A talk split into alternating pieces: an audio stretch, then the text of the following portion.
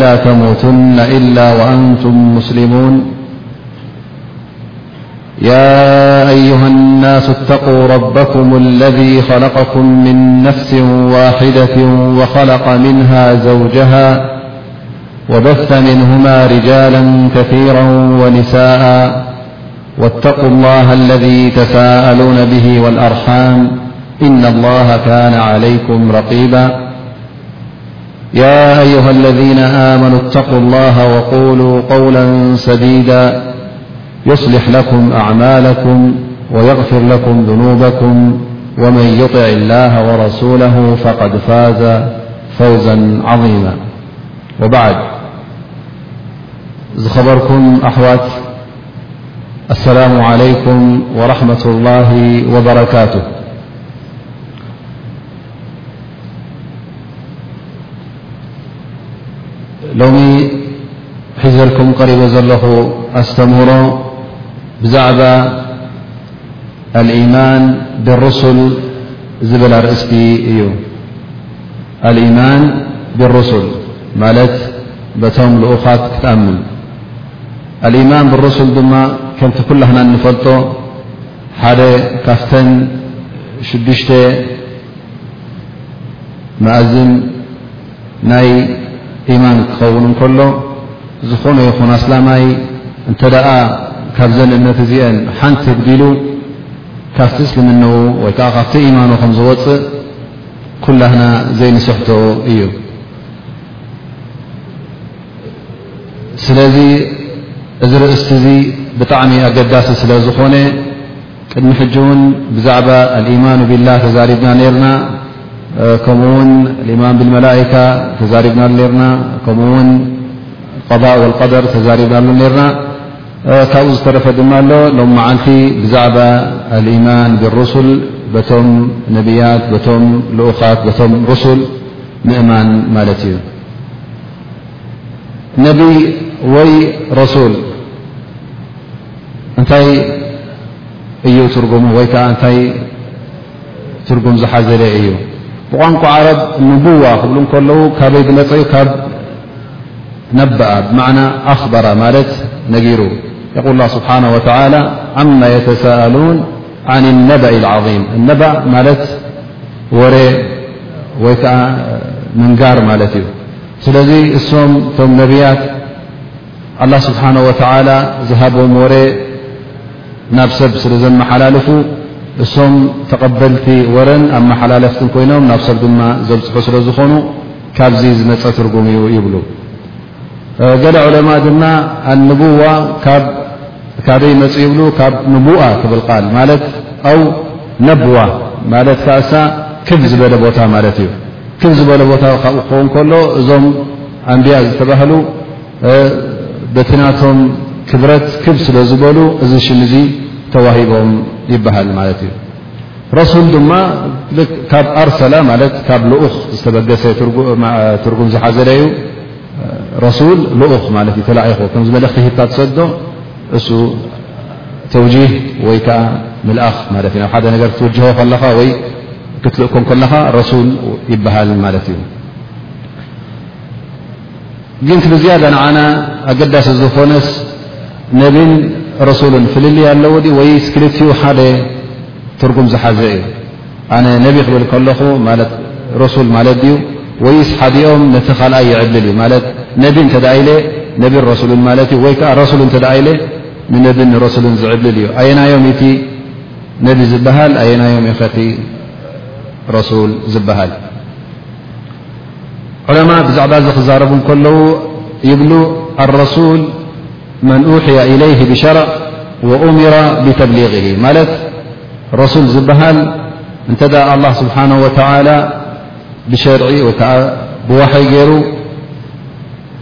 ሸርዒ ኣመሓላሊፍሉ ነዚ ሸርዒ ድማ ኣብ ሰብ ክዝርግሖ እተ ተኣዚዙ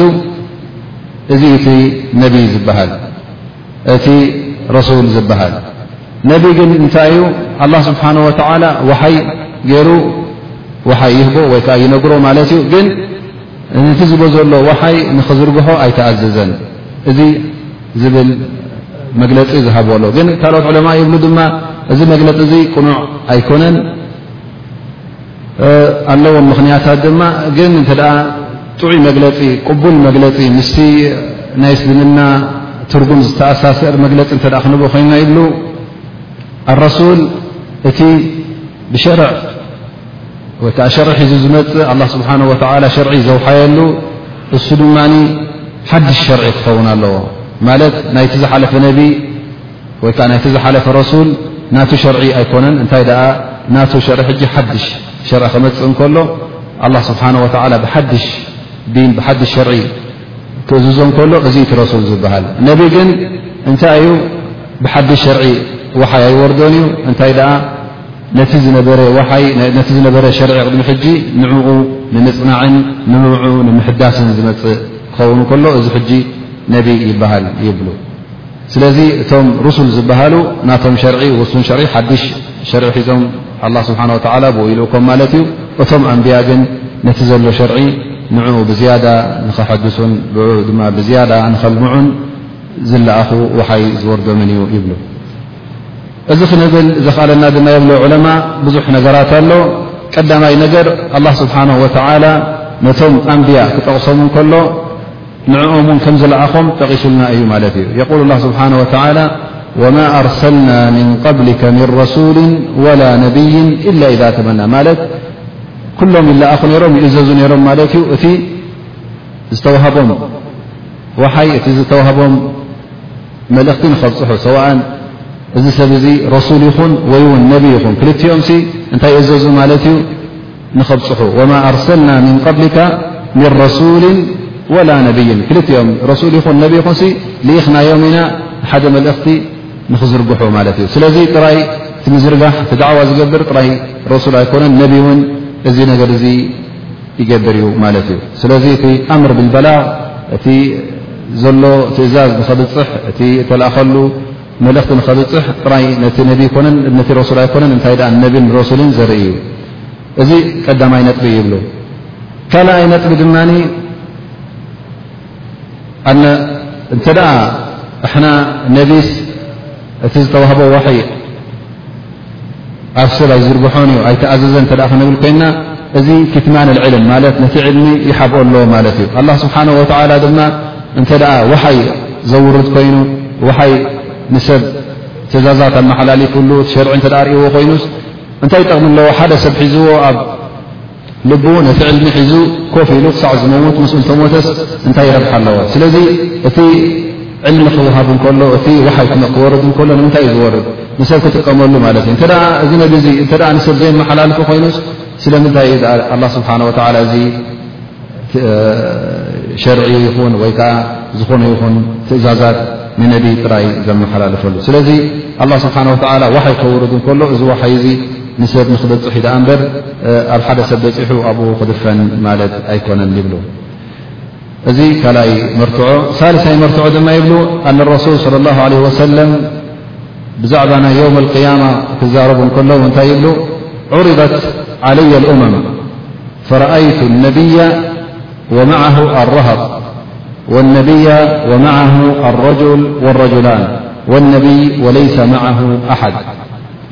እዚ እንታይ ማለት እዩ ነቢና ሙሓመድ ስለ ላ ለ ሰለም እንታይ የብሉ ኣነ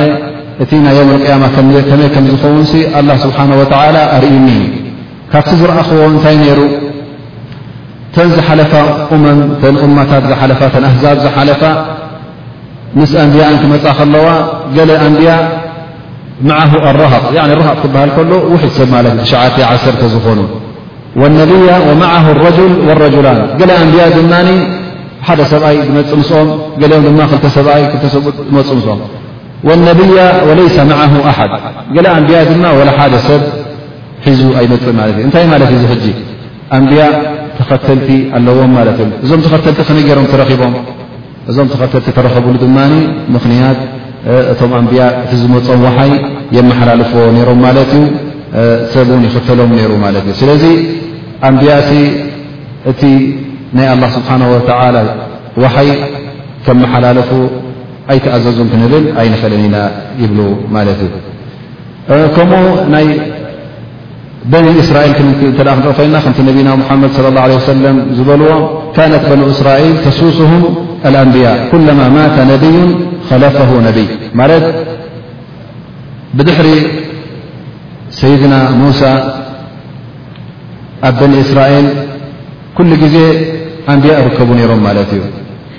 ነቢ ይመፅእ ነቢ ምስ ሞተ ድማ እሱይ ዝመርሖም ነይሩ ካልኣይ ነቢ ይትካእ እቲ ምስ ሞተ ካልኣይ ነቢ ይትካእ ነይሩ ማለት እዩ ኩሎም ድማ እዚኦም እንታይ እዮም ነቲ ሪሳላ ናይ ሰይድና ሙሳ ንኡ ኣጥቢቖም ዝሕዙን ንኡ ቀጥ ዘብሉን ንኡ ድማ ብዝያዳ ኩሉ ግዜ ካብ ኣላ ስብሓን ላ ውሓይ እናመፆም ንኡ ዝሐድሱ ማለት እዩ እታ ሸሪዓ ናይ ተውራት ሸሪዓ ናይ ሙሳ ንዓኣ ዝኽተሉ ኣንቢያ ነይሮም ማለት እዩ ስለዚ እዚኦም ኩሎም ሕጂ ኣንቢያ እተ ኮይኖም ናይ ሸሪዓ ናይ ሙሳ እዮም ዝኽተሉ ነይሮም ግን ኩሉ ግዜ ኣንቢያ እዮም ነሮም ኣንቢያ ኣይኮኑ ነሮም ክንብል ኣይንኸእለን ኢና እሶም ድማ ካብ ኣላ ስብሓን ወተላ ዋሓ ይመፆም ነይሩ ነቲ ህዝቦም ድማ ይመርሕዎ ነይሮም ማለት እዩ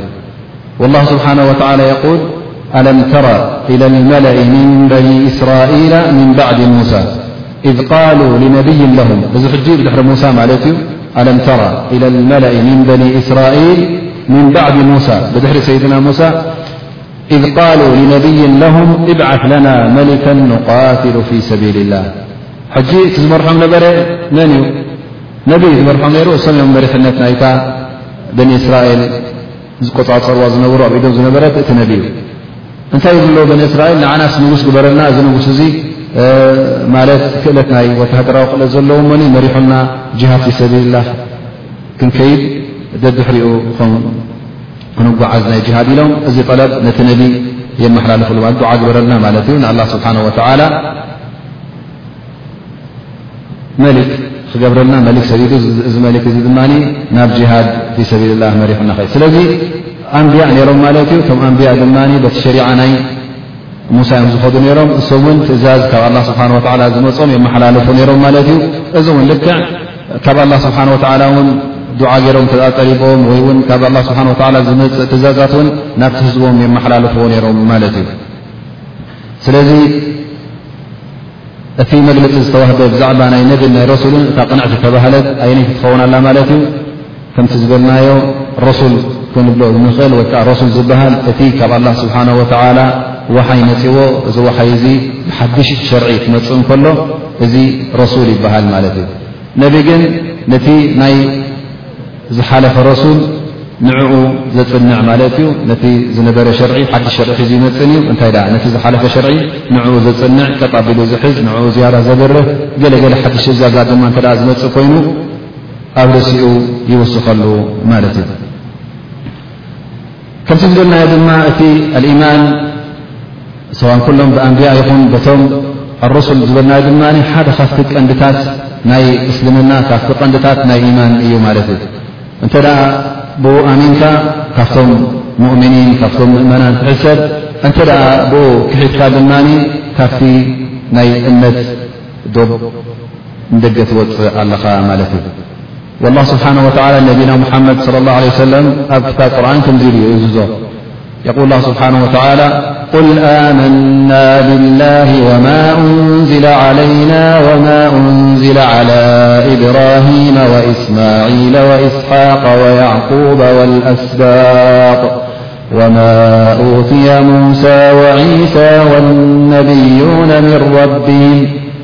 ላ ኑፈርቁ በይነ ኣሓድ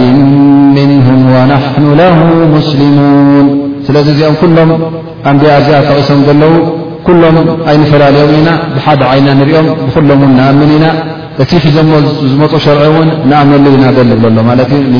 ንመን ንነብይና ሙሓመድ ለ ላ ሰለም ልክ ንሕና እውን በዚ ነገር እዚ ክንኣምን ኣለና ማለት እዩ ትእዛዝ ካብ ኣላ ስብሓን ወተላ ናብ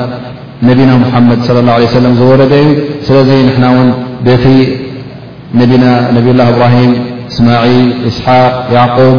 ሙሳ ወዒሳ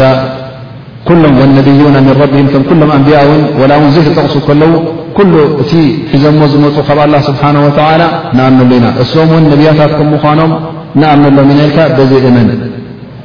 ኩሎም ውን ክትፈላልዮም የብልካ እዚ ናይ በኒ እስራኤል ዩ እዚ ናይ የሁድ ዩ እዚ ናይ ክርስትያን ዩ እዚ ናይ ግሪክ ዩ እቶም ኣብ ክታብ ቁርን ተጠቕሱ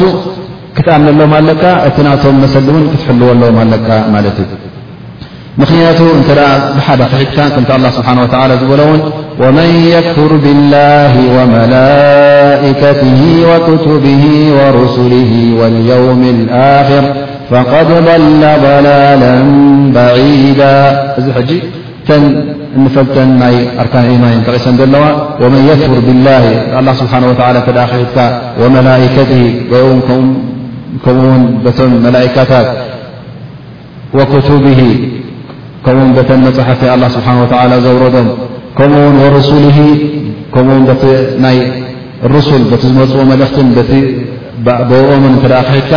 ወልዮም ኣክር ከምኡ ውን ብናይ ዮም ቅያማ መፃኢ ምኳኑ ዮም ቅያማ ውን ኩላህና ኣብ ቅድሚ ኣላ ስብሓን ወላ ደው ኢልና ፀብፃብ ንኣተወሉ መዓልቲ ምኳኑ እተ ነዚ ክሒድካ ኣላ ስብሓን ወ እንታይ ይብለካ ኣሎ ፈቐድ ላ ላላ ብዒዳ ማለት እዚ ጂ ካብቲ ኣጠፋፍኣኻ ጥፉእ ወይ ከዓ ዝረሓቐ ጥፍኣት ኮይኑ ኣሎ ማለት እዩ። ስለዚ ኣላ ስብሓን ወተዓላ እውን ንዓና መገዲ ሓቂ ንኸርእየና ኣንብያታት ከምኡ ውን ርሱል ሰይዱልና እዩ እቶም እንተ ዘይኣመና ኣሎ ኮይኑ ነብያታት ኣይሰድድን ዩ ኣላ እንታይ የድልዎ ዝብል እተ ኮይኑ እዚ ሰብ እዚ ንኣላ ስብሓን ወተላ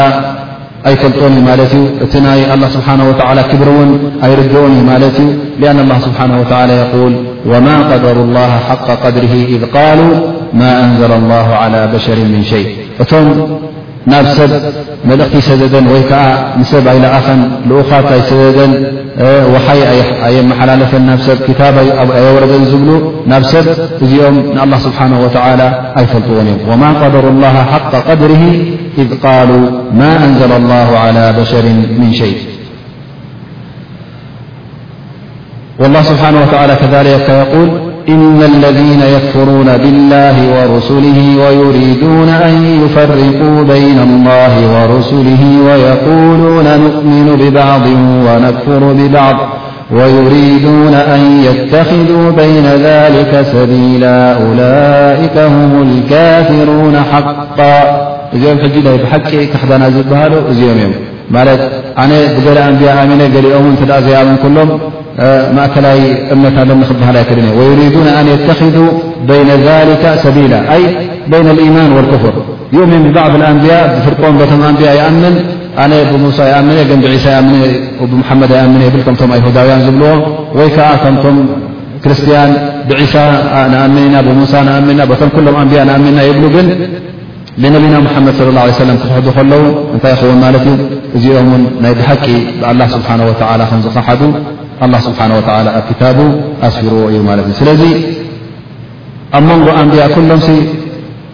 ክትፈላሊ የብልካን ኩሎም ብሓደ ዓይኒ ክትሪኦም ኣለካ ብሓደ እምነት እውን ክትኣምነሎም ኣለካ ምክንያቱ ኩሎም ካብ ሓደ ኣላ ስብሓን ወላ ስለ ዝተላኹ እቲ ቀንዲ መልእኽቶም እውን ሓደ ስለ ዝኾነ ምእንቲ ምንታይ እዮም ተላይኾም ነይሮም ምእንቲ ነዚ ህዝቢ ወይከዓ ነዚ ህዝቢ ዓለም ነቲ ናቶም እማ እውን ይኹን ካብ መገዲ እከይ ናብ መገዲ ሰናይ ንኽመርሕዎ፣ ካብ ሽርክ ኪደል እንተ ኮይኑ ናብ መገዲ ተውሒድ ንኽመርሕዎ፣ ካብቲ ዝገብርዎ ዘለዉ ናይ ጌጋታት ፈሳድ ይኹን ንሰብ ምጥላም ወይ ከዓ ንሰብ ምፅቃጥ ወይ ከዓ በቢ ዓይነቱ በደላት ዝገብርዎ ዘለዉ ነዚ በደላት እዚ ንኸመዓራርዩ ስለ ዝተላእኹ እቲ ቀንዲ መልእኽቶምን እቲ ቀንዲ ዝለኣኾም ውን ሓደ ስለ ዝኾነ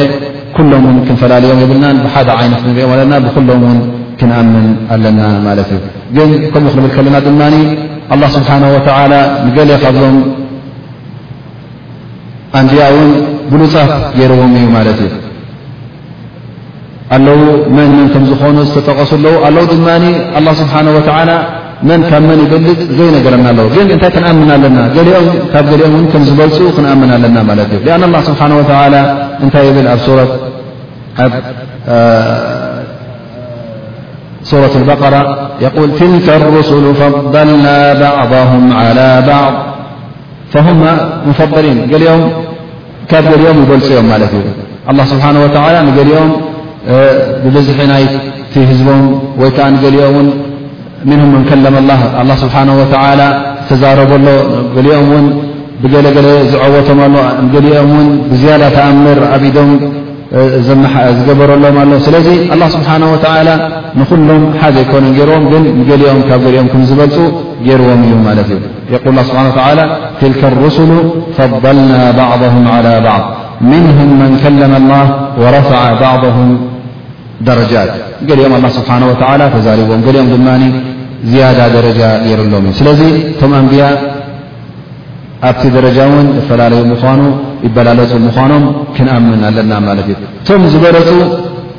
መን እዮም እቶም ኡሉል ዓዝም ዝተባሃሉ? ሓሙሽተ ኣንቢያ ኣለዉ። እሶም እውን ኑሕ ወእብራሂም ወሙሳ ወዒሳ ወሙሓመድ ለ ላ ለ ወሰለም ኣጅመዒን እዚኦም እቶም ኡሉል ዓዝም ዝተባሃሉ እቶም ሓሙሽተ ብሉፃት እዮም። ብዝያዳ ካብኦም ዝበልፅ ድማ መን እዩ? እቲ ኻተመ ኣንቢያ ናይ መጨረሻ ነቢ ዝተባህለ እቲ ንቡዋ እቲ ናይ ነብይነት ብኡ ዝተደምደመን ዝተዓጸወን እስልምና ሒዙልና ዝመጸ ነብይና ሙሓመድ ሰለላሁ ዓለይሂ ወሰለም ብሉጽ ምዃኑ እዚ እውን ክንኣምን ኣለና ማለት እዩ። ግን ካልኦት እንተ ዘይተገለጹልና ኮይኖም ክታብ ቁርን ይኹን ኣብ ሱና ነቢ ንሕና እዚ ፍላን ካብ ፍላን ይበልጽ ክንብል ኣይንኽእልን ኢና ማለት እዩ። ግን እንተ ተገሊጹልና ከምዚ ናይ ኡሉል ዓዝም ብሉጻት ምዃኖም ስለ ተገለጸልና በቲ ብልጸት ናቶም ክንኣምን ኣለና ማለት እዩ። ኣላህ ስብሓንሁ ወተዓላ ድማ ንደቂ ሰብ ኩሉ ግዜ ካብ መንገዲ ጌጋ ናብ መገዲ ሰናይ ኩሉ ግዜ ክመርሖም ስለ ዝደሊ ካብ ዝኸልቆም ኣትሒዙ ኩሉ ግዜ ነብያታት ዝሰደሎም ነይሩ ማለት እዩ ወየቁል ላ ስብሓን ወተላ ወእን ምን እመት ኢላ ኸላ ፊሃ ነዲር ዝኾነት ትኹን እማ ዝኾነ ይኹን ህዝብስ ንዕኦም ዘጠንቅቕ ነቢ መጺዎም እዩ። ንዕኦም መገዲ ሓቂ ዘርኢ ነቢ መጺዎም እዩ። ስለዚ እቶም ኣንብያ ውሑዳት ኣይነበሩን፣ ብዙሓት ከም ዝነበሩ ካብዚ ክንርዳእ ንኽእል ማለት እዩ። ቁጽሮም ኣብ ሱና ነቢና ሙሓመድ ስለ ላሁ ለ ሰለም ዝመጸ እንተ ክንርኢ ኮይና ኣቡዘር ረድያ ላሁ ዓንሁ ንነቢና ሙሓመድ ሓደ ግዜ ይሓትዎም ማለት እዩ ቁልቱ ያ ረሱላ ላህ ከም ወፋኡ ዒደት ኣንብያ ማለትሲ ክንደይ እዩ ኣንብያ ቁፅሮም ይብሎ ማለት እዩ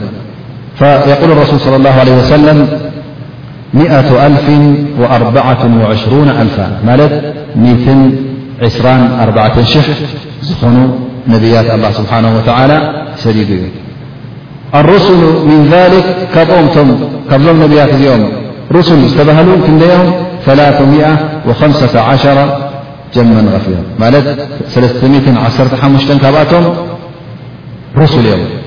ኣንብያ ብኩሎም ክንደይ ኮይኖም ኣለዉ ማለት እዩ ሚትን ዕስራን ኣርባዕተን ሽሕ ሃደ ሓዲ ኣክረጃ ኣሕመድ ፊ ሙስነድ ስለዚ ቁፅሪ ናቶም ክንዚ እዩ ግን ኩሎም ኣይተጠቕሱናን ኩሎም እውን ኣይተነገርናን መነመን ምዃኖም ኣብይ ኣበይ ከም ዝነበሩ ምኽንያቱ እዚኦም ብዙሓት እዮም ኩሎም ክጥቀሱ እተ ኮይኖም መዓት መፃሕፍቲ ኩሉ ናቶም ውን ታሪክ ክንገር እተ ኮይኑ መዓት መፅሓፍቲ ከድልዮ ማለት እዩ ግን ቀንዲ ክንፈልጦ ንደሊ ቁፅሮም ብዙሕ ከም ዝነበረ 2ን 24 ሸ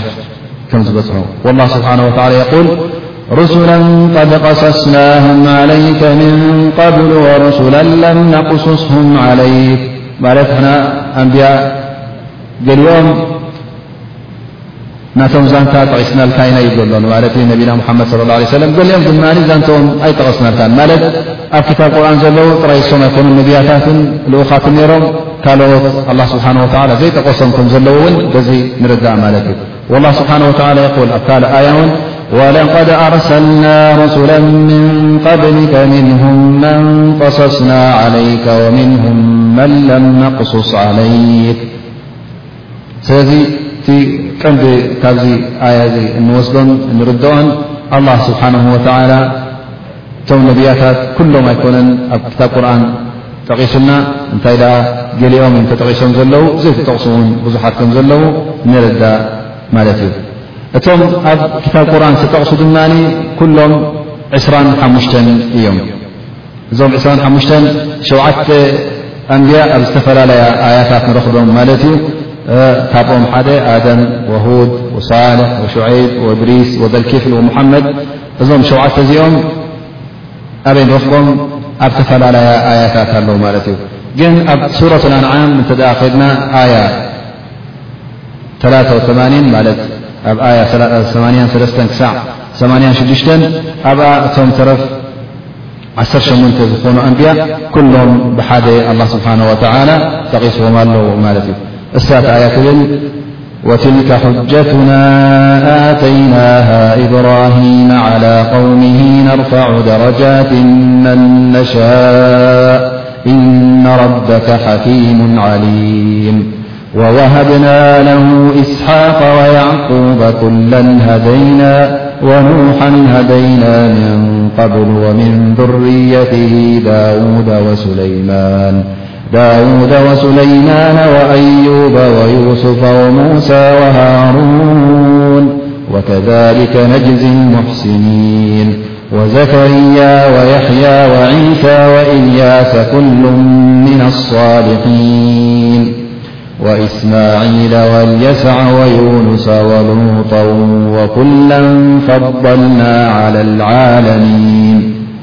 ኣብዘን ሰለስተ ኣያ ሕጂ ኣላ ስብሓን ወተላ እቶም ዓሰርተ ሸሞንተ ጠቒስዎም ማለት እዩ ስለዚ ኣብ ቁርን ዝወረዱ ብኣስማቶም እንፈልጦም ከም ኣንብያ መጠን ብርግፅ መን እዮም እዞም ዕስራን ሓሙሽተን ኣንብያ ይኾኑ ማለት እዩ ገለ ኣንብያ ብኣስማቶም ኣይተጠቐሱም ግን ብሓፈሽኦም ኣብኡ ከለዉ ብሽፉን ተጠቒሶምና ማለት እዮም እሶም ድማ ኣኣስባጥ መን እዮም الله سبحانه وتعالى ذكرهم في قوله تعالى بيتغم قولوا آمنا بما أنزل إلينا وما أنزل إلى إبراهيم وإسحاق ويعقوب والأسباط آيا تتقمل الأسباط بهلسم دون يعقوبيم حلخفم يوسفي عرت خلكم مدو عسرت ل جي بأسباط يفلقوم اليم الأسباط م جي أنبياءيم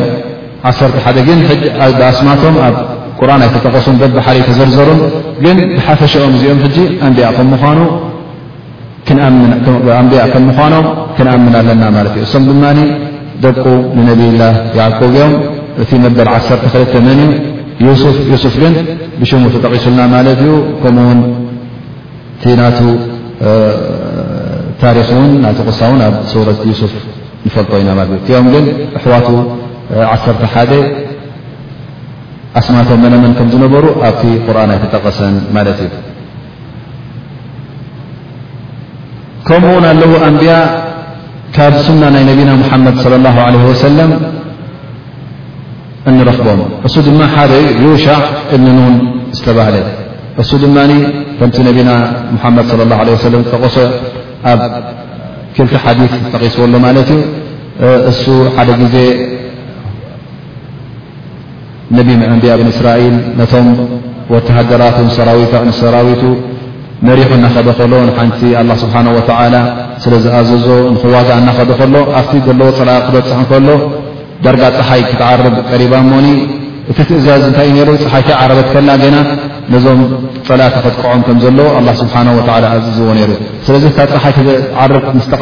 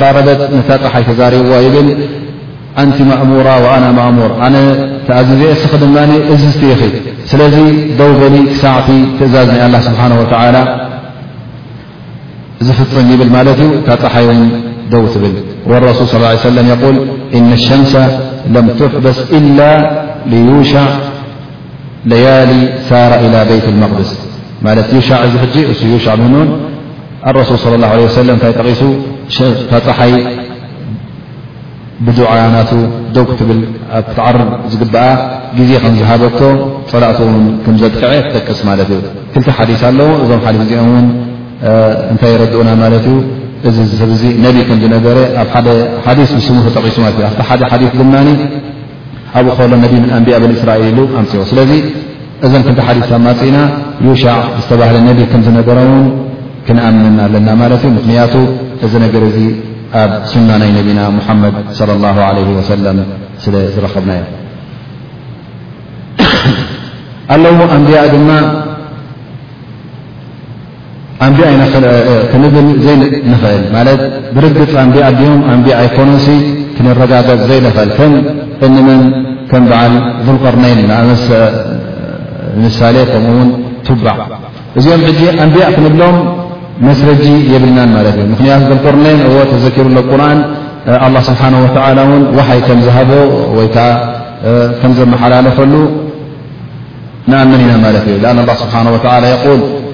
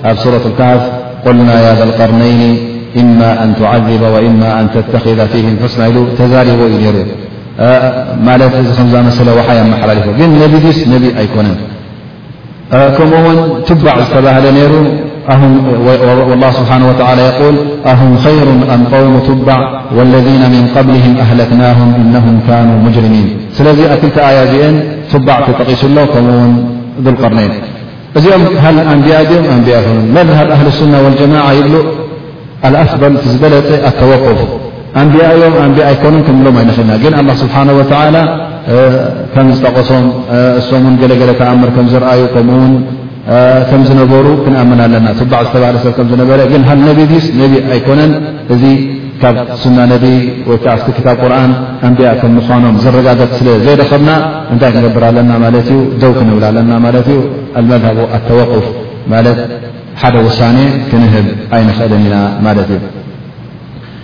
ከምኡ ውን ብዛዕባ ናይ ኣልከበር ውን ኪላፍ ኣሎ ማለት እዩ ዕለማ ዝተዘራርቡ ገሊኦም ነቢ እዩ ነይሩ ይብሉ ገሊኦም ድማ ዓብዱን ሳልሕ እዩ ነይሩ ይብሉ ማለት እዩ ገለ ዕለማ ነቢ ዝብል ርእቶ ይሕዙ ማለት እዩ ገሊኦም ድማ እንታይ ነቢ ኮነን ግን ካብቶም ሳልሒን እዩ ነይሩ እቶም ነቢይ ዝብሉ ድማ እንታይ ይብሉ ውሓይ ስለ ዝወርዶ ዝነበረ ኣብ ርእሲኡ ድማ በቲ ዝመፆ ዝነበረ ውሓይ እውን ኣብ ግብሪ የውዕሎ ነይሩ ምክንያቱ ንሕና ናይ ልከብር ምስ ቅሰቱ ወይከዓ ምስታነዛንታናቱ ምስ ሰይድና ሙሳ ክንርኢ እተ ኮይና ኣብ ሱረት ልካሃፍ ነታ መርከብ ምስ ደይብዋ ነታ መርከብ ከም ዘበላሸዋ ከምኡ ውን ነቲ ቆልዓ ከም ዝቀተሎ ከምኡ ውን ነቲ ዝነበረ መንደቕ ክፈርስ ቀሪቡ ዝነበረ መንደቕ ንዕኡ ከም ዝዕረዮ እዚ ኩሉ ነገራት እውን ብነብሱ ዘይኮነ ኣላ ስብሓን ወተዓላ ዝኣዘዞ ከም ምኳኑ ነዚ ነገራት እዚ እገብር ከም ዝነበረ እዚ እንታይ የርእየና ማለት እዩ ነብይ ከም ዝነበረ ከምኡ ውን ሕሉፍ ዕልሚ ስለ ዝነበሮ እዚ ድማ ነቢና ሙሳ ውን ካብኡ ክመሃር ስለ ዝመፀ ስለዚ እቲ ደረጅኡ ክብ ዝበለ እዩ ነይሩ እሞ ነቢ ኢና ክንብሎ ንኽእል ይብሉ ማለት እዩ ስለዚ እዚ ዝገብሮ ዝነበረ እውን ካብ ናይ ኣላ ስብሓን ወተላ ስለ ዝኾነ እሕና እቶም ርእቶ ናይ ነቢ ዝሓዙ እሶም ብዝያዳ እውን ክበልፅ ይኽእል ማለት እዩ ብዛዕባ ናይ ኸብር እውን ገለ ገለ ሰባት ኣሎ ክሳዕ ሕጂ እውን ኣሎ ዝብሉ ኣለዉ ይብሉ እዚ ግን ርእቶ ቅኑዕ ርእቶ ኣይኮነን ነዚ ዝነፅግ እውን ብዙሕ ነገራት ኣሎ ማለት እዩ ምኽንያቱ እንተ ኸብር ኣሎ ኮይኑ ኣብዚ ግዜ ናይ ነቢና ሙሓመድ ስለ ላሁ ለ ሰለም ዝተለኣኸሉ እቲ ናይ ነቢና ሙሓመድ ስለ ላሁ ለ ወሰለም መልእኽቲ ንምሉእ ዓለም ስለ ዝኾነ ወላ እውን ከምቲ ኣብ ሱና ዝመፀ ዒሳ እብኒ መርየም ኣብ ኣኽር ዘማን ክመፅእ እንከሎ በቲ ሸሪዓ ናይ ነቢና ሙሓመድ ስለ ላሁ ዓለ ወሰለም ብኡ ክፈርድን ብኡ ክኸይድን ስለ ዝኾነ እንተ ደኣ ብህየት ኣሎ ኮይኑስ ናብ ነቢና ሙሓመድ ስለ ላሁ ዓለ ወሰለም መፅኡ ክባይዖን ክስልምን እዩ ነይሮ በቲ ሸርዒ ናይ ነቢና ሙሓመድ ስለ ላሁ ዓለ ወሰለም ብኡ ክኸይድ ከምኡ እውን ካልእ መርትዖ ኣሎ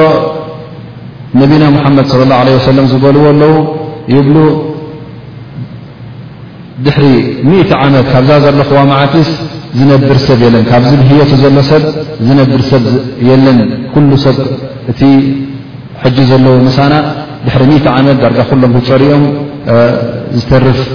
ሰብ የለን ካብቶም ኣብቲ ግዜኡ ዝነበሩ ማለት እዩ ኣብቲ ግዜ እቲ ተዛረቦ ነቢና ሙሓመድ ስ ሰለም ስለዚ ክሳዕ እቲ ግዜቲ ነይሩ እንተኾይኑ ውን በዚ ነቢና ሙሓመድ ስለ ላ ለ ሰለም ዝበልዎ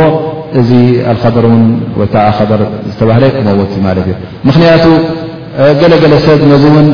ኣሎ እናበሉ ኣጓኒፉና ከምዚ ከምዚ ኢሉዩና ከምዚ ተዛሪቡና እናበሉ ካብ ሸርዒ ዝወፁ ስለ ዘለዉ እዚ ውን ጌጋ ከም ምዃኑ ክንርዳእ ኣለና ማለት እዩ። ስለዚ ብዛዕባ ናይ ኸድር ውን ብዙሕ ኹዛዕበላት ወይ ከዓ ብዙሕ ናይ ሽርኪ ነገር ወይ ከዓ ብዙሕ ውን ጌጋታት ስለ ዝርከብ ንሕና በቲ ናይ ሱና ነቢ ዝመፀና መልእኽቲ እንተ ርኢና ክሳዕ ሕጂ ኣሎ ክንብል ኣይንኽእልን ኢና ማለት እዩ።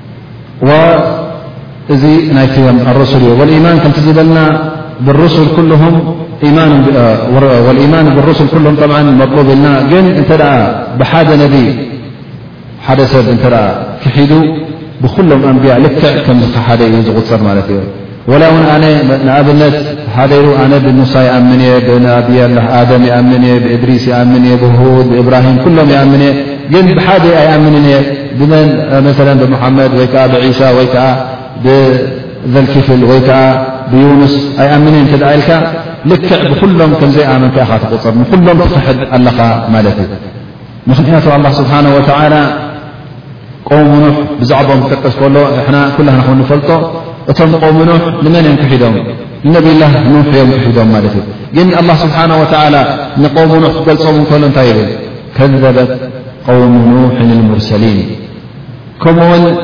ንዓድ ቆውሙ ዓድ እንታይ ብል ከዘበት ዓድን ልሙርሰሊን ቆውሙ ዓድ ብ ሁድ ዩ ተላኢኽዎም ከምኡውን ከዘበት ሙድን ልሙርሰሊን ሙድ ንመን እዮም ክሒዶም ነብላ ሳልሕ ዮም ክሒዶም ኣ እምበር ነቶም ኩሎም ኣንብያ ኣይክሓድዎምን ወረ ኣንብያ እውን ብድሕሪኡ ዝመፁ ኣለዉ ገና ቅድሚ ሳልሕ ዝነበርሉ ወይ ብድሕሪ ሳልሒ ን ዝመፁ ብዙሓት እዮም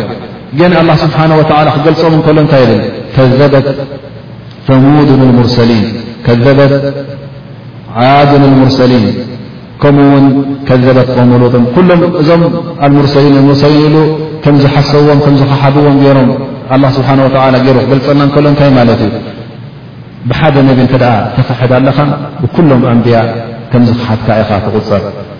ምኽንያቱ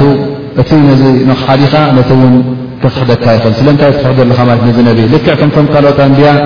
ተኣምር ኣለዎ ልክዕ ከምቶም ካልኦት ኣንብያ ብሸሪዓ እዩ መፅኡ ልክዕ ከምቶም ካልኦት ኣንብያ ውሓይ ነይርዎ እዩ ስለዚ ነዚ ዘሓደካ ዘሎ ምኽንያት እንታይ እዩ እዚ ምኽንያት እዚ እውን ናብቶም ካልኦት ክሰግር ስለ ዝኽእል ልክዕ እስኻ ውን ከም ነቶም ኩሎም ኣንብያ ወላ ውን ብመልሓስካ ይኣምኖም እየ በር ወላ ውን በቲ ናቶም ሸርዒ ከይደ በል ዳኣ እምበር ልከ ከም ብኩሎም ዝኸሓትካ ኢኻ ትቁፀር ማለት እዩ ስለዚ ብሓደ ነቢ ኣሚንካ ብክልተ ነቢ ወይከዓ በቶም ዕስራ ከምቶም ኣብ ቁርን ዝመፁ ንኣብነት በቶም ዕስራ ኣርባዕተ ኣሚነ እሞ ሓደ ጥራይ ድሕር ዘይኣመንካ ኩሎም ከም ዝኸሓትካ እዮም ኢኻ እትቁፀር ማለት እዩ ግን ከመይ ጌርና ኩሉ ግዜ እዚስ ነቢ ዩ ንኣምነሉ ወይ ከዓ ነቢ ኣይኮነን ንብሎ ከመይ ጌርና ኢና እንታይ እዩ ቀንዲ መርትዖ ዘድልየና ዝኾነ ይኹን እዚ ሰብ ዚ ነቢ ዩ ነቢ ኣይኮነን ወይ ከዓ ረሱል ዩ ወይ ረሱል ኣይኮነን ክንብሎ እንተ ኮይና ካብ ክታብ ቁርን መርትዖ ክህልወና ኣለዎ ከምኡ ውን ካብ ሱና ነቢ ሙሓመድ صለ ላሁ ለ ወሰለም ዱልዱል መርትዖ ሒዝና ክንኣምን ኣለና ድኣ እምበር ምኽንያቱ ገለገለ ኣንቢያ ኣለዉ ኣብቲ ናይ ተውራት ዝለሎ ኣብቲ ናይ በኒ እስራኤል ዘሎ መፅሓፍቲ ኣብኡ ዝጥቀሱ ኣለዉ ማለት እዩ እንተ ካብኦም ዝሰማዕካዮ ወረ ኣሎኻ ኮይንካ ገለ ገለ ኣስማት ኣብ ክታብ ቁርን ዘይወረዱ ኣብኡ ኣብቲ መጽሓፎም ምናልባሽ ንረኽቦም ኢላ እንተ ዝብሉ ኮይኖም ከ እንታይ ትገብር ትኽሕዶ ትኣምን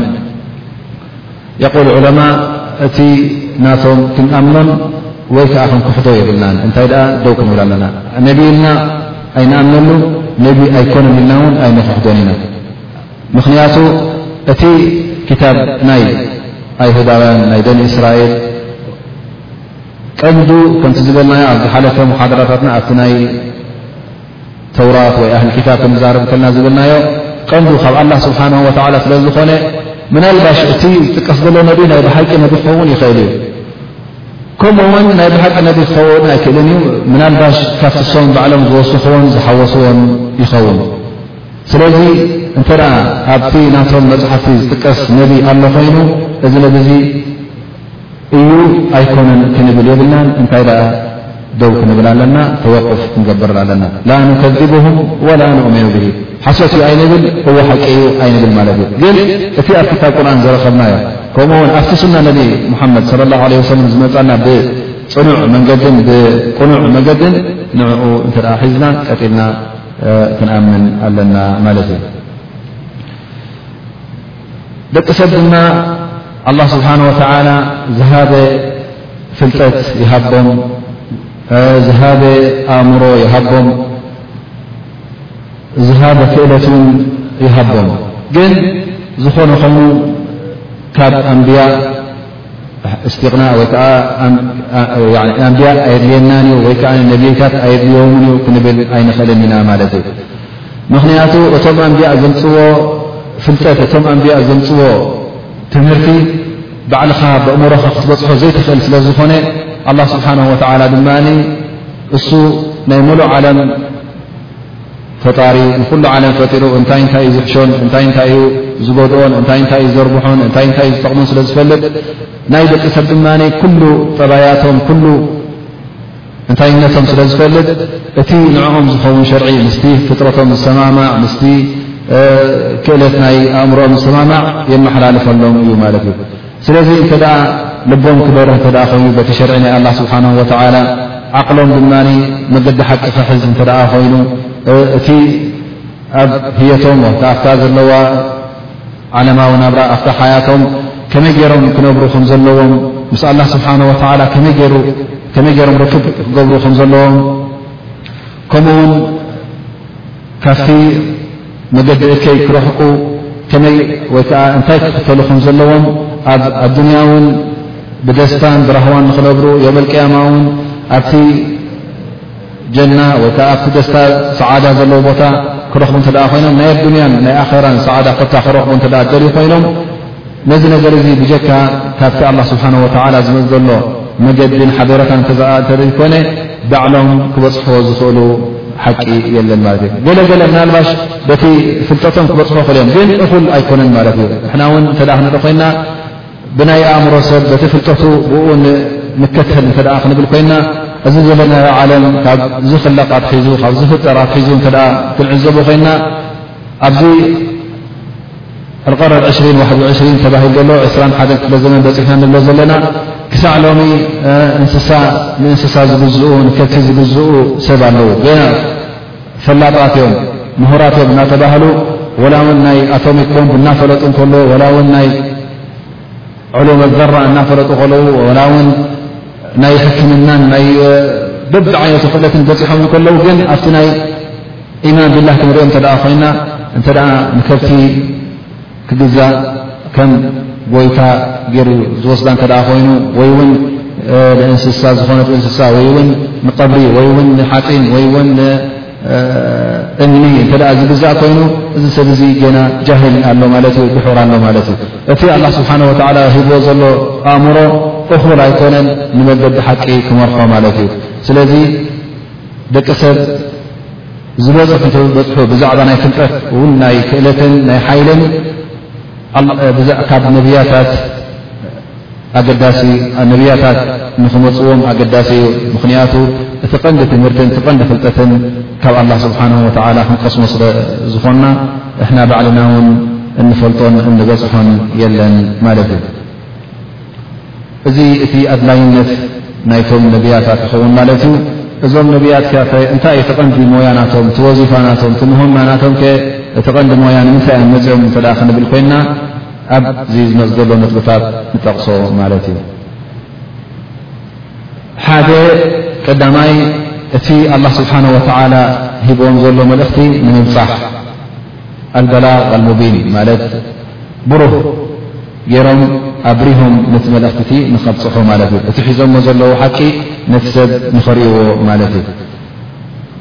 እቲ ሒዞሞ መፂኦም ዘለዉ ሸርዒ ንሰብ ከብርህሉ ማለት እዚ ነገር እዚ ድማ እንታይ የድልዮ ማለት እዩ ተባዕ ዝኾነ ሰብ ምኽንያቱ እስኻ ኣብ ሓደ ህብረተሰብ መፂእካ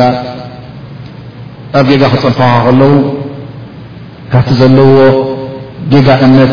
እዚ ዘለኹሞ ጌጋ እምነት እዩ ናበይ ንዑ ናብዚ ቅኑዕ ዝኾነ እምነት ተመርሑ ክትብሎም እንከለኻ ካብቲ ዝለመድዎም ካብቲ ናይ ኣቦታትናን ናይቶም ዝሓለፉ ኩሎም ኣቦሓጎታትና ዝተመስረተ ሃይማኖትን ዲንን እዩ እምነትን እዩ ክብሉ ፀኒሖም ንዑ ነዚ ግደፍዎ ኣነ ሓድሽ ዲን ብሉፅ ዲን ካብኡ ዝበለፀ ምፅኤልኩም ኣለኹ ክትብሎም ከለኻ ነዚ ነገር እዚ ብቀሊል ክቕበልዎ ስለ ዘይክእሉ እንታይ ክትገብር ኣለዎ እንታይ የድልየካ ማለት እዩ ክእለት ክህልወካ ኣለዎ ሸጃዓ ክህልወካ ኣለዎ ወይ ከዓ ተባዕ ክትከውን ኣለካ ማለት እዩ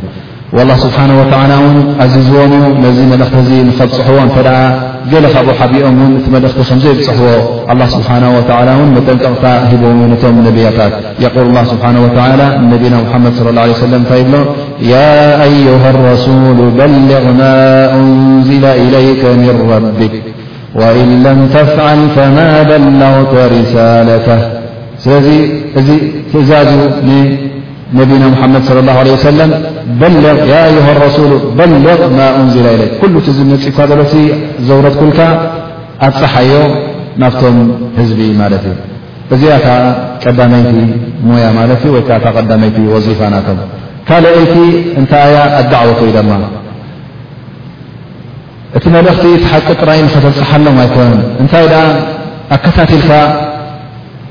ዳዕዋ ክትገብረሎም፣ ጻውዒት ክትገብረሎም ኣለካ። ኩሉ ግዜ ውን መገዲ ሓቂ ከም ምዃኑ ደጋጊምካ ክትነግሮም ኣለካ፣ ከደፋፍኦም ኣለካ፣ ከተተባብዖም ኣለካ። ነዚ ሓቂ ውን ኣብ ግብሪ ከውዕልዎ፣ ኣብ ግብሪ ውን ክጥቀምሉ ከም ዘለዎም ክትደጋግመሎምን ክትደፋፍኦምን ኣለካ ማለት እዩ። ምኽንያቱ ጥራይ እቲ ሓቂ እዚኣ እያ እሞ ኢልካ ሓንሳእ ነጊርካዮም ክንድሻዕ ነጊርካዮም እኹል ማለት ኣይኮነን። ግን እቲ ናይ ዳዕዋ ጎስጓስ ኩሉ ግዜ ክቕፅል ኣለዎ ማለት እዩ ላ ስብሓን ወ የል ወለቀድ ባዓትና ፊ ኩል እመት ረሱላ ኣን ዕቡድ ላ ወጅተኒቡ ጣغት ጥራይ መገዲ ሓቂ እንታይ ምዃኑ የርእዎ ማ እንታይ ኣ ክእና ላ ስብሓን ወ ክብዙ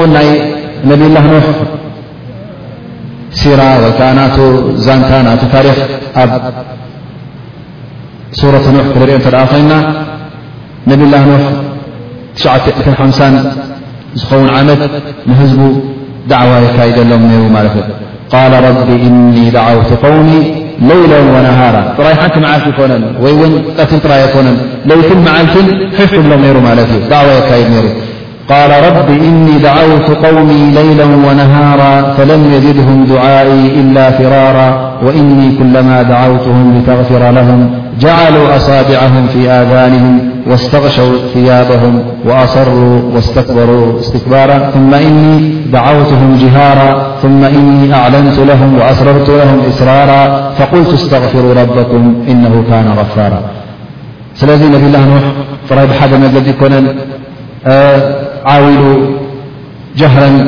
ጻውዒት የመሓላልፍ ነይሩ። ወኣስረርቱ ለሁም እስራራ ከምኡውን እንተ ብምስጢር ኮይኑ በብሓደ ወሲዱ ነቲ ሓቂ ይገልጸሎም ነይሩ፣ ይከታተሎም ነይሩ ለይትን መዓልትን። ስለዚ እቲ ሞያ ናቶም እውን ጥራይ ነቲ ሓቂ ናብቲ ህዝቢ ንምብጻሕ ጥራይ ኣይኮነን፣ በላቕ ንምግባር ኣይኮነን። እንታይ ደኣ ይበሎ ኣብ ርእሲኡ ድማ ነዚ በላቕ እዚ ክከታተሎ ኣለዎ፣ እቲ ህዝቢ እውን እቲ እማናት እውን ነዚ። ኣምጺእዎ ዘሎ ዲን ንዕኡ ቀጥ ኣቢሉ ንኽሕዝ ንዕኡ ክኽተል ከም ዘለዎ ጎስጓስ ከካይደሉ ኣለዎ ማለት እዩ። እዚ ካልኣይ ሞያ ይኸውን ማለት እዩ። እቲ ሳልሳይ ድማ ኣተብሺር ወልኢንዛር ማለት ከበስሩን ከጠንቅቑን ድማ እዚ ከምኡውን ሓደ ካብቲ ሞያታት ናቶም ማለት እዩ።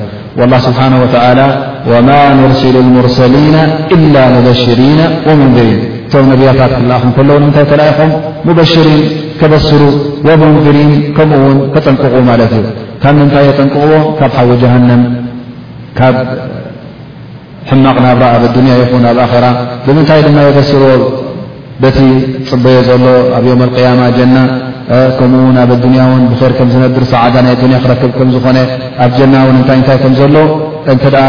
ኣብቲ ኣያታት ብዛዕባ ጀና ዝጠቅስ እንተ ርኢና ኮይንና ኣብኡ ኩሉ ብስራት ይረክብ ማለት እዩ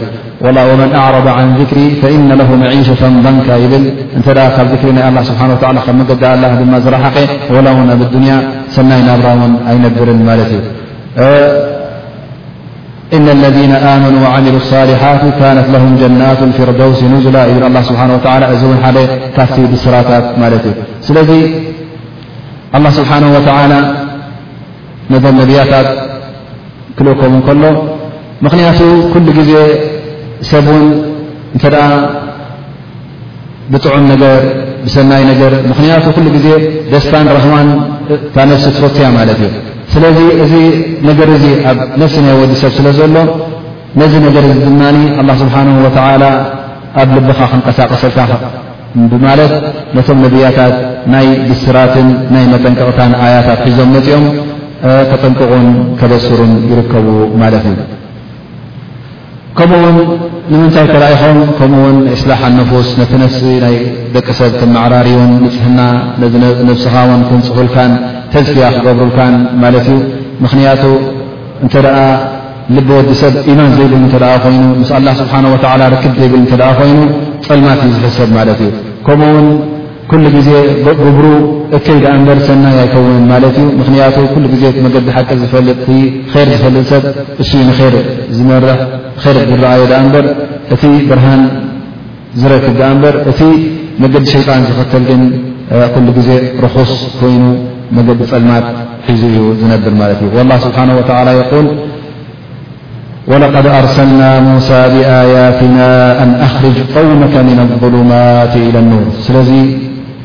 ነብያታት ክመጹ እንከለዉ ካብቲ ዘለኻዮ ጸልማት ናይ ሽርኪ ይኹን ናይ ማዕስያ ናይ ጌጋ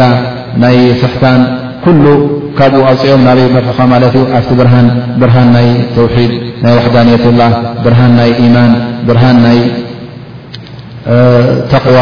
ብርሃን ናይ ምእዘዛ ንኣላ ስብሓን ወተዓላ ተማእዚዝካ ክትከድ ከለኻ ካብቲ መገዲ ጸልማት ናብቲ መገዲ ብርሃን የመሓላልፋኻ ማለት እዩ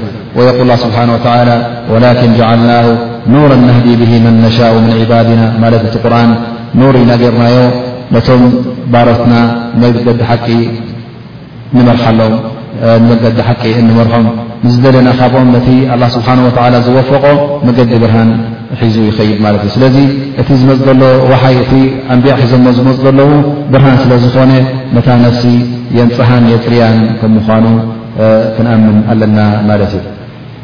ከምኡ ውን ካብቲ መስገዲኦም ን ካብቲ መልኣኺኦም ውን ከምቲ ዝብሎ ኢቃመት ልሑጃ ነቲ ወዲ ሰብ ፅባሕ ንግሆ ኣብ ዮም ኣልቅያማ ንምኽንይ ንኸይረክብ ማለት እዩ ምናልባሽ ፅባሕ ኣላ ስብሓን ወተላ እንተ ኾንካ መገዲ ሓቂ ዘይሓዝካ እተ ኢሉ ወላ ኣላ ኣነ መገዲ ሓቂ ዘርእየኒ ይረኸብኩም መታን ከይትብል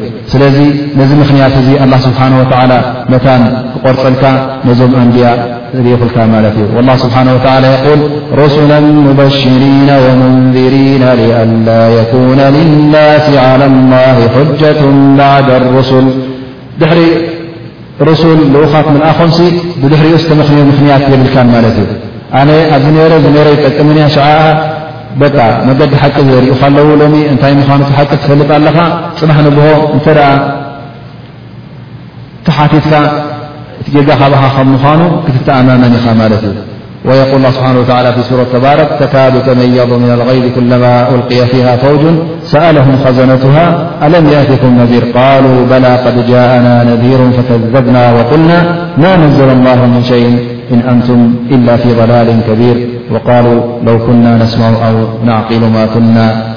ፊ ኣስሓብ ሰዒር ፈዕተረፉ ብዘንብህም ፈሱሕቀን ሊኣስሓብ ሰዒር እዚ ሕጂ በቃ ክትተኣማመን ኢኻ ማለት እዩ ምክንያቱ ኣላ ስብሓን ወተዓላ ልኡኻት ሰዲዱልካ እዩ ነቢር መፅእኳ እዩ ዘጠንቅቕ ሰብ መፅእኳ እዩ ግን እዞም ልኡኻት እዚኦም እንታይ ትፈልጡ እንታይ እምነት ንስኹም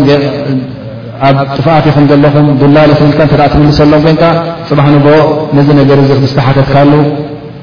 ክትኣማመን ኢኻ ኣብ መገዲ ጌጋ ከም ዝነገበርካ ነቲ ኣላ ስብሓን ወተዓላ ዝኣዘዘካ እውን ከም ዝነፀገካ ክትተኣማመን ኢኻ ማለት እዩ ፅባሕ ንግሆ ልኡኽ ኣይነበረን ዕልሚ ኣይመፀንን ፍልጠት ኣይመፀንን ሸሪዓ ዝበሃል ኣይመፀንን መገዲ ሓቂ ዝበሃል ኣይመፀንን ክትብል ኣይትኽእልን ኢኻ ማለት ስለዚ እታ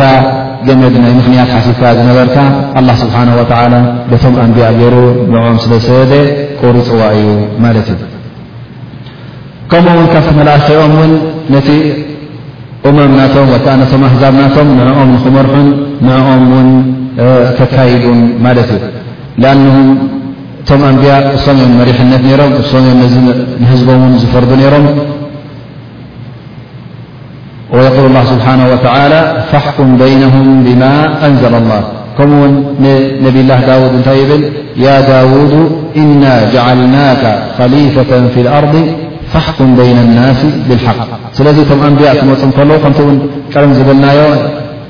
ኣላ ስብሓን ወተላ ንበኒ እስራኤል ካነት ተሱስሁም ኣልኣንብያ ኣንብያ እያ ትመርሖም ነራ እቲ ኣንብያ ነቢ ክመውት ከሎ ብድሕሪኡ ብነቢ ይትካ ነይሩ እዚ ነቢ እዚ ድማ እሱ የመሓድሮምን እሱ ይመርሖምን ነይሩ ማለት እዩ ስለዚ እቶም ኣንብያ እውን ካብቲ ቀንዲ መምፅኦም ቀንዲ መልኣይኸኦም እውን እንታይ ክገብሩ እዮም ማለት እዩ ነቲ ህዝቢ ንክመርሑ ማለት እዩ ኣብዚ ናይ እስልምና ድማ ኻተም ኣንብያ ወሩሱል ነቢና ሙሓመድ እዩ ነይሩ እሱ ከሎ ነቲ ዝነበረ እማ ነቲ እስላማይ እሱ ይመርሖን እሱ የመሓድሮን ነይሩ እሱ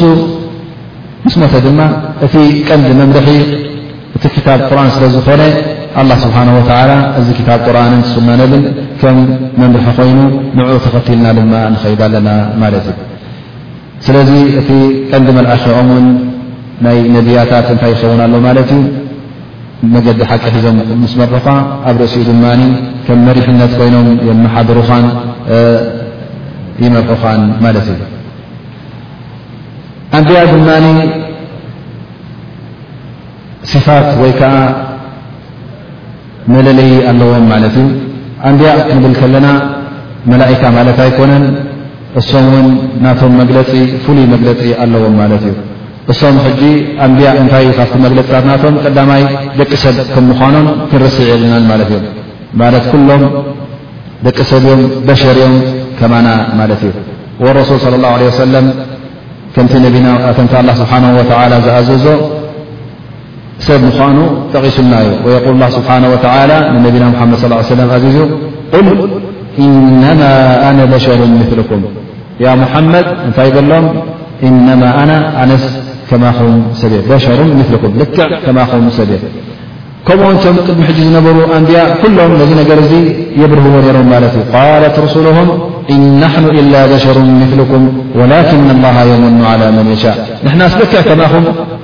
ሰብ ኢና ወላኪን ላ የምኑ ኣላ ስብሓን ወተላ ሽሻይ ግን ንዝደለየ ይዝቦ እቲ ሽሻይ ምንታይ ማለት እዩ እቲ ንብውነት ወይ ከዓ ረሱል ምዃን እዚ ናይ ኣላ ስብሓን ወተላ ኒዕማን ናቱ ሽሻይን እዩ እዚ ድማ ኣላ ስብሓን ወተላ ንዝመረቆ ሰብ ይዝቦ ግን ንሕና ካባኹም ኣይንፍለየና እንታይ ደኣ ኩላህና ሰብ ኢና ማለት እዩ ከምኡ ስለዚ እቶም ቅድሚ ሕጂ ዝኽሕዱ ዝነበሩ እውን ነዚ ነገር እዚ በዚ ነገር እዚ ተገሪሞም ከመይ ገይሩ ሰብ ይለኣኽ ይብሉ ነይሮም ማለት እዩ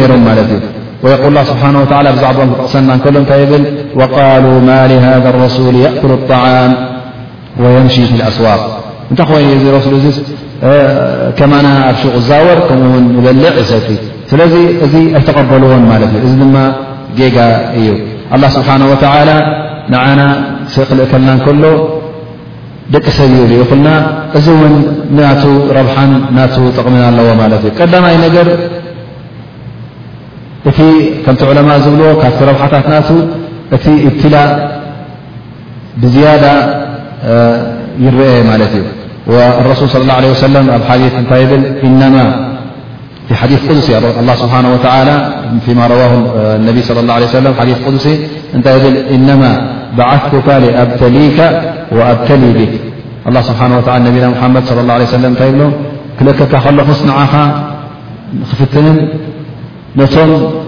ህዝብኻ ውን ኣብ ፈተነ ንኸውድቖም ማለት እዩ ማለት ክትፍተን እኽትባር መርመራ ንክትገብር መንገዲ ሓቂ ዲኻ ትሕዝ መንገዲ ሓቂ ትሕዝን ማለት እዩ ስለዚ እንተ ሰብ ኮይኑ ኣነ ልኡኽ ኢሉ ናይ ኣላ ስብሓን ወላ ኢሉ መፅኡካ ኮይኑ ስለዚ ንክትኣምን ሕጂ እዚ ሕጂ ድልዱል ኢማን የድልካ ማለት እዩ ካልበቕታ ናካ ኣይማን ውን ተምሒስ ወይ ከዓ እኽትባር መርመራ ኣለዋ ትምርምርን ትፍተንን ማለት እዩ መላእካ መፅኡ እኳ በቲ ትፈልጦ ግን ትኽልቲ ክትኣምን ኢኻ ማለት እዩ ግን ወዲ ሰብ ክኸውን ከሎ ብኡ ዝኽሕድ ውሑድ ኣይኮነን ኢላ እቲ ኣላ ስብሓን ወተላ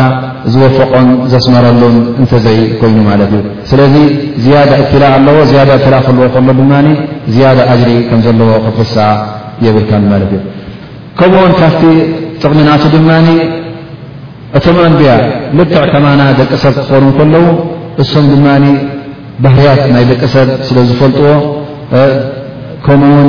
ነቲ ሰብ ክመርሕዎ ይኽእሉ ማለት እዩ ምኽንያቱ እንታይ እንታይ ክእለት ከም ዘሎ ናይ ወዲ ሰብ ይፈልጥ እንታይ እንታይ ይጎድኦ እንታይ እንታይ ይጠቕሞ እቲ ነቢ ልክዕ ከማኻ ሰብ ስለ ዝኾነ እቲ ንዓኻ ዘሕምመካ ይፈልጦ ማለት እዩ ኣብ ነብሱ ልክዕ ከማኻ ይፈልጦ እዩ እቲ ንዓኻ ዝደሰተካ እንታይ ምዃኑ እቲ ንዓኻ ዘሸግረካ እንታይ ምዃኑ ከምኡ ውን ኣብ ርእሲኡ ፅባሕ ንግሆ እዚ ነቢ እዚ ናህካ ኣርኣያ ወይ ከዓ ናህካ ቁድዋ እዩ ስለዚ ኣርኣያኻ ስለ ዝኾነ ኩሉ እቲ ሱ ዝገብሮ ነበረ ኣብ ግብሪ ክተውዕሎ ኣለካ ማለት እዩ ኣብ ግብሪ ክተውዕሎ እንተ ኣሊካ ኮይኑ ናይ ግድን ሰብ ክኸውን ኣለዎ መላእካ እንተ ኮይኑ ግን መላይካ ዝገብሮ ኩሉ እስኻ ክትገብሮ ኣይትኽእልን ኢኻ ማለት እዩ ስለዚ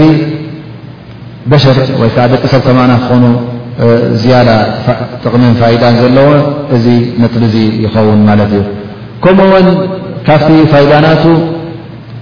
እንተ ደኣ መላእካ ክገብሮም ኮይኑ ኣላ ስብሓን ወተላ ቶም ልኡኻት ደቂ ሰብ እውን ምስኦም ክሰማምዑን ወላ እውን ንኽርእዎም ውን የሸግሮም ይብሉ ማለት እዩ ምክንያቱ እቲ ኣፈጣጥራ ወይ ከዓ እቲ ኣከላለቃ ናይ ኣንብያ ናይቶም መላይካ ልክዕ ከም ናይ ደቂ ሰብ ኣይኮነን ነቢና ሙሓመድ ለ ላ ለ ወሰላም ንጅብሪል በቲ ክልቃናቱ ክሪኦ እተ ኮይኑ ክልተ ሳዕ ጥራይ ይርእዎ እበረይ ሰብ ተመሲሉ እዩ ዝመፁ ነይሩ ወይከዓ ኣብኡ ከሎ ብድምፂ ጥራይ ይሰምዑ ነይሩ ማለት እዩ ስለዚ ወዲ ሰብ እውን ነቶም ኣንብያ ንኽርኢ ክእለት የብሉን ማለት እዩ እቲ ኣላ ስብሓን ወተዓላ ዝሃቦ ክእለት እኹል ክእለት ኣይኮነን ስለዚ የጨንቆ ስለ ዝኾነ ኣብ ጭንቂ ንኸይወድቕ ድማ ኣላ ስብሓን ወተዓላ እቶም ኣንብያ ሰብ ገይሩ ልኢኽዎም ማለት እዩ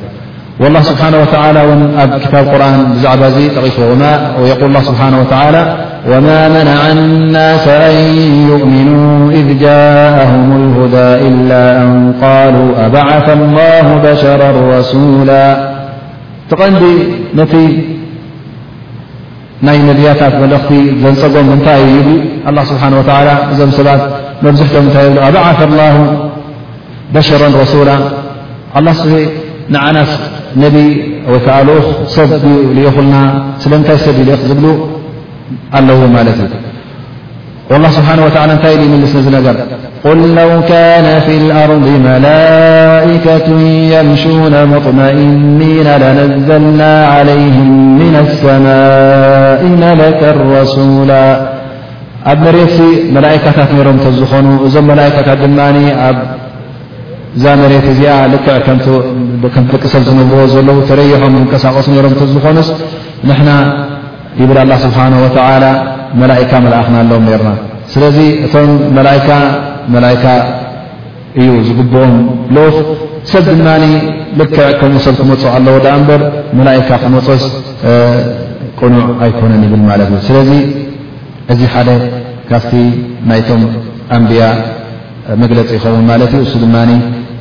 ደቂ ሰብ ከም ዝኾኑ ማለት እዩ ደቂ ሰብ እዮም እተ ኢልና ድማ ሕጂ ነዚ ነገር እዚ ምስ ዝተኣሳሰር ኣሎ ደቂ ሰብ ካብ ኮኑ ናይ ግድን ክበልዑ ኣለዎም፣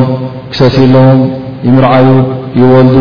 ይመቱ። ኣላህ ስብሓነ ወተዓላ ነቢና ሙሓመድ ሰለላሁ ዐለይሂ ወሰለም የቁል ኢነከ መይቱን ወኢነሁም መይቱን ትመውት ከም ምዃኑ ገሊጹሉ። ወላህ ስብሓነ ወተዓላ የቁል ወለቀድ ኣርሰልና ሩሱላ ምን ቀብሊከ ወጀዓልና ለሁም ኣዝዋጃ ወዙርያ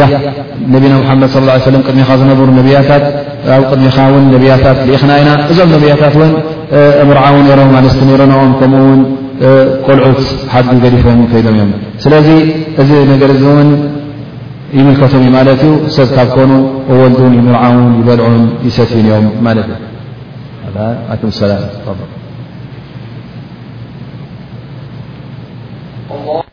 ደርስና ንቕፅል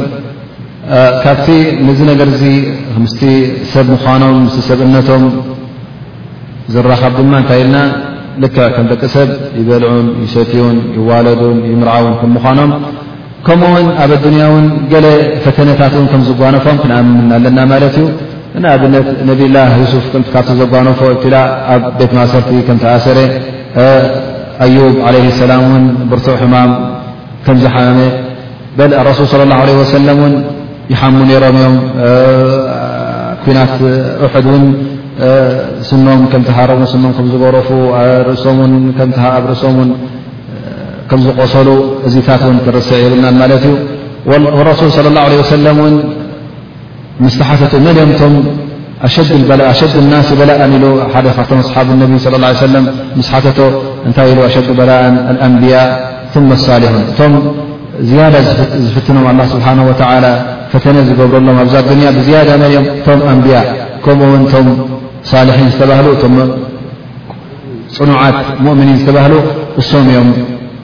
ኣላ ስብሓን ወተላ ብዝያዳ እብትላ ፈተነ ዝገብረሎም ምኽንያቱ ኩሉማ እስኻ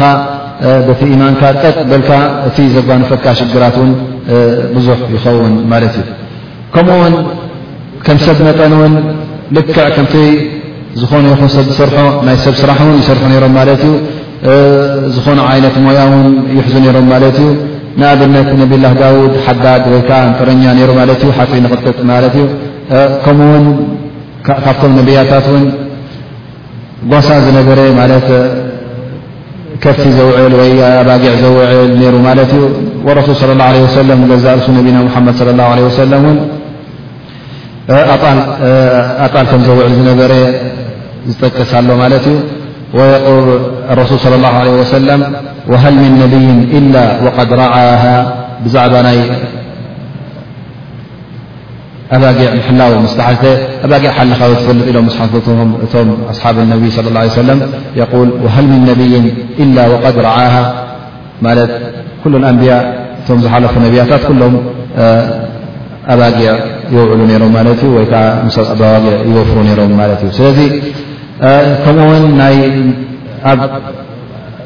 ዛንታ ናይ ነብይላህ ሙሳ እንተ ክንርኢ ኮይና ካብ ፍርዖን ሃዲሙ ናብ ሹዔብ ምስ መፀ ነታ ጓል ሹዔብ ሕምራዊ ምስ ደለየ ውን ወይ ውን ንሹዔብ ከስርሖ ምስ ደለየ ንሸመንተ ዓመት ምስኡ ክሰርሕ ጓሳ ኮይኑ ክሰርሕ ብድሕሪኡ ጓለይ ከመርዕወካ ኢልዎ ማለት እዩ ስለዚ ካብዚ እውን ተበጊስና ከምቲ ዝኾነ ይኹን ሰብ ዝሰርሖ ዝኾነ ይኹን ዓይነት ሞያ ይሰርሑ ከም ዝነበሩ ልክዕ ከም ሰብ መጠን ይሰርሑ ከም ዝነበሩ ክንፈልጥ ኣለና ማለት እዩ ግን እዚ ክንብል ከለና ድማ ሙሉኣት ዘይጉድላት እዮም ነይሮም ሰዋእን ኣብቲ ኣኸላለቃናቶም ይኹን ከምኡ ውን ኣብቲ ኹሉቕ ማለት ኣብቲ ጠባያት ናቶም ማለት እዩ ኣላ ስብሓን ወተላ ክኸልቆ ከሎ ኣበር ዘለዎም ገይሩ ኣይኸለቆምን ጉድለት ዘለዎም ኣይኸለቆምን ማለት ዕዉር፣ ሓንካስ፣ ተላጋቢ ሕማም፣ ሕማቕ ሕማም ዘለዎ ከምሳት ዝኣመሰለ ገይሩ ኣይኸለቖምን። እንታይ ደኣ ምሉእ ዘይጉዱል ገይሩ ኺልቃ ኣፈጣጥራ ኸሊቕዎም። እቲ ጠባያት ናቶም ድማ ብሉጽ ጠባይ ገይሩ ኸሊቕዎም ማለት እዩ። ኣብ ህዝቦም ውርያት በዚ ጠባይ እዚ ከም ዝኾኑ ኣላህ ስብሓነሁ ወተዓላ ንነቢና ሙሓመድ ሰለላሁ ዓለይሂ ወሰለም ክገልጾም ከሎ እንታይ ይብል? ወኢነከ ለዓላ ኹሉቂን ዓዚም ኢሉ ገሊጹልና ማለት እዩ። ስለዚ ናይቶም ኣንብያ ጠባያት ናቶም ሞራል እውን ልዑል ከም ዝነበረ ዝጠቅስ እዩ ማለት እዩ ከምኡ ውን ኣላ ስብሓን ወተላ ክልእኮም ከሎ ካብቶም ብሉፃት ወለዶ ማለት ትውልዶም ብሉፅ ማለት ካብቶም ትሑታት ሰባት ኣይኮነን እንታይ ኣ ካብቶም ብሉፃት ገይሩ ማለት ሓደ ከም ባርያ ዝነበረ ወይ ከዓ ኣብ ትውልዱ ሕማቕ ትውልዲ ዝነበረ ናይ ዝምውነት ዝነበሮ ወይ ከዓ ናይ እከይ ዝነበሮ ገይሩ ይኸለቆብን እንታይ ደኣ ካብቲ ትውልዶም ፍሉጣት ዝኾኑ ካብቲ ንፁህ ዝኾነ ትውልዲ ገይሩ ኣላ ስብሓን ወተዓላ መሪፅዎም ማለት እዩ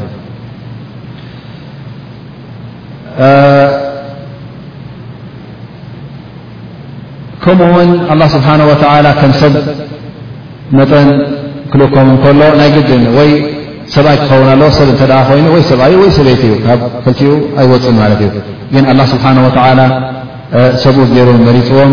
ተባዕታይ ከም ምኳኑ ደቂ ኣንስትዮ ስለዚ ነብያታት የለዋን ማለት እዩ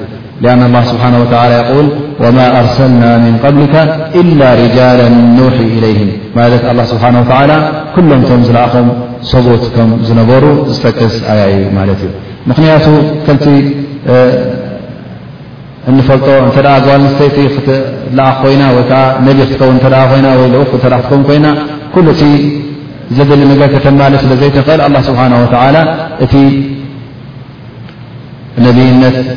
እቲ ልኡኽ ዝኸውን ሰብኣይ ንክኸውን መሪፅዎ ማለት እዩ ምኽንያቱ እዚ ነገር እዚ ናይ ዳዕዋ ነገር ስለ ዘለዎ ዳዕዋ ክወርቶ ደኣ ኮይኑ ምስ ኩሉ ምስ ሰብኡት ይኹን ምስ ምንስቲ ንኩሉ ክሕብር ስለ ዝኾነ ክሕብር ከሎ ድማ ምስ ኩሉ ይተሓዋወስ ላዕልን ታሕትን ይብል ብምስጢር ክዛረቦም እንተ ደኣ ኮይኑ ተፈልዩ ንሓደ ንክልተሰብ ወሲዱ ብምስጢር ይዛረቦም ወይ እውን ኣብ ሓፈሻ ብሓፈሻ ኣኪቡ ንኹሎም ሓደ ኣኼባ ክዛረቦ ምደሊ ወይ እውን ካብ ዓዲ ናብ ዓዲ ክንቀሳቐስ ተንቀሳቒሱ እውን ምናልባሽ እውን ሰራዊት ክህልዎ ሰራዊት ሃልዎ እውን መራሕ ናይ ሰራዊት ክኸውን ውግእ ክኣቱ እዚ ኩሉ ነገራት እዚ ስለ ዘድልዮ ጓልስተይቲ ድማ ነዚ ኩሉ ከተማለት ስለ ዘይትኽእል ኣላ ስብሓን ወተዓላ ነዚ ነገር እዚ ነቲ ናይ ረሱል ነገር ተባዕታይ እንትኸውን መሪፅሉ ማለት እዩ ከምኡ ውን ኣላ ስብሓን ወላ ከምዝብሎ ኣርጃል ቆዋሙን ዓለ ኒሳእ ስለ ዝበለ እቲ ቅዋማ ድማ ንጓል ንስተይቲ ስለ ዘይኮነ ወ ተባዕታይ ስለ ዝኾነ ቅዋማ ዝተዋህበ እዚ ሰብ እዚ ድማ ከምቲ ዝበልናዮ መሪሕነት ክሕዝ ስለ ዝኾነ ነቢ ኮይኑ እሞ ነቲ ህዝብናቱ ክመርሕ ስለ ዝኾነ ከመሓድር ድማ ስለ ዝኾነ እዚ ድማ ናይ ቂዋማ ነገር ስለ ዘለዎ ሓላፍነት ስለ ዘለዎ እዚ ሓላፍነት ድማ ተባዕታይ ስለ ዝተዋህበ ኣላ ስብሓን ወላ እቶም ኣንብያ ኩሎም ደቂ ተባዕትዮ ገይርዎም ማለት እዩ ከምኡ ውን ከምቲ ኩላህና እንፈልጦ ጓልስተይቲ ናታ ሽግር ኣለዋ ማለት እዩ ናታ ሕማማት ኣለዋ ናይ ጥንሲ ናይ ሕርሲ ናይ ፅግያት በቢ ዓይነቱ ሕማማት ስለ ዘለዋ እዚታት ድማ ካብ ገለገለ ስራሓት ከትርፋ ስለ ዝኽእል ካብ ገለገለ ነገራት ክዕቅላ ስለ ዝኽእል ኣላ ስብሓን ወተዓላ ኩሎም እቶም ኣንብያ ደቂ ተባዕትዮ ገይርዎም ማለት እዩ ገለገለ ዑለማ ውሕዳት ዑለማ እውን ኣለዉ ኣንብያ ኣለዋ ዝበሉ ካብ ደቂ ኣንስትዮ ገለ ካብን ዝጠቀስዎን መርየም ዓለይሃ ሰላም ወኣስያ ከምኡውን ንሳራ ወሃጅር ወእሙ ሙሳ ኢሎም እሲ እቲ ናቶም መርትዖ ድማ እንታይ እዩ ኣላ ስብሓን ወተዓላ ነዚአን ሲ ውሓይ ስለ ዘመሓላለፈለንሲ ነብያታት እየን ይብሉ ማለት እዩ ኣና ከምዚ ዝበልናዮ እቲ ዝተዋህበ መለለዪ ናይ ታዕሪፍ ናይ ረሱል እዚ እኹል ኣይኮነን ከምኡ ውን ጥራይ ብሕልሚ ወሓይ መጺኦን ኢልካ ውን ኣንብያ ክትብል ኣይትኽእልን ኢኻ። ስለዚ መብዝሕቶም ዑለማ ከም ዝብልዎ ከምቲ ኣብ ቁርን ውን ዝተረኽበ ከምቲ ዝበልናዮ ወማ ኣርሰልና ምን ቀብሊካ ኢላ ርጃላ ኑሒ ኢለይህም ስለዚ እቶም ኣንብያ ኩሎም ወይከዓ እቶም ርሱል ደቂ ተባዕትዮ እዮም ነይሮም እዚኤን እውን ኣንብያ ክበሃል ኣይክእላን እየን እተይ ደኣ ሙምኪን ወእምሁ ስዲቀት ኢሉ ኣላ ስብሓን ወላ ብዛዕባ ናይ መርየም ዝጠቐሰልና እሳታ ዝበለፀት ኣላ ስብሓን ወላ ብልፅቲ ዝገበራ እውን መርየም ስለ ዝኾነት እሳ እውን ክጠቕሳ ከሎ ነቢያ ኢሉ ይጠቐሰልና እንታይ ደኣ ወእምሁ ስዲቃ ስዲቅ እያ ኔራ ደኣ እምበር መርተባ ናይ ንብዋ ኣይበፅሓትን ይብሉ ማለት እዩ ስለዚ እቲ ራጅሕ ዝተባህለ ወይ ከዓ እቲ ቕኑዕ ርእይቶ ደቂ ኣንስትዮ ኣንብያ ወይ ከዓ ሩሱል ከምዘይነበራ ከም ዝኾነ ናብዚ ንረግፅ ማለት እዩ እዞም ኣንብያ ድማ እሶም ንበይኖም እሶም ጥራይ ንዕኦም ዝተዋህበ ነገራት ኣሎ ካብ ካልኦት ሰብ ካብ ካልእ ሰብ ፍልይ ዝበለ ንዕኦም ጥራይ ዝተዋህበ ኣሎ ንካልእ ሰብ ዘይተዋህበ ብምንታይ ብምንታይ ይፍለይዎ እንተ ክንብል ኮይንና ቀዳማይ ነገር ከምዝበልናዮ እታ ቀንዲ ነገር እታ ውሓይ እያ ኣላ ስብሓን ወተዓላ ውሓይ ሂብዎም ማለት እዞም ኣንቢያ እዞም ርሱል ካብ ሰብ ካብ ካልኦት ሰብ እንታይ ይፍለዩ ኣላ ስብሓን ወተዓላ ነዚ ውሓይ እዙ መሪፅዎም ማለት እዩ እዚ ቀዳማይ ካልኣይ ብምንታይ ይፍለዩ ኣልዕስማ ዕስማ ማለት ከእንታይ እዩ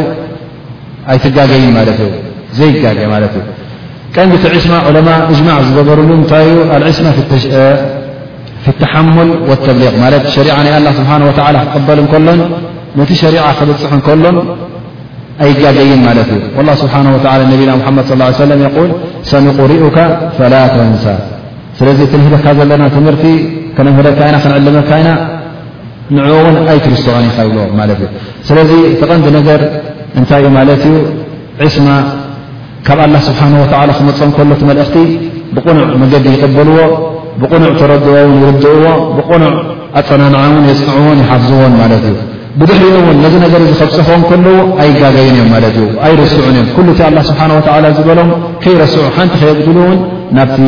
ሰብ የመሓላለፎ ማለት እዚኣ ኩሎም ዑለማ እጅማዕ ዝገበሩላን ዝተሰማምዑናን እያ ኣብዚ ነገር እዚ ጌጋ ከም ዘይርከብ ከምኡ እውን እዞም ነብያታት ኣብ ከባኢር ዝኑብ ከም ዘይወጥቁ እውን እጅማዕ ኣሎ ማለት እዩ ማለት ኣብቲ ዓበይቲ ዘንብታት እውን ከም ዘይወጥቁ እዚ እዩ ዝመሃሎ ግን ኣብ ሰቓኢር ጌጋታት ገለ ጌጋታት ክርከቦም ይኽእል ከም ምዃኑ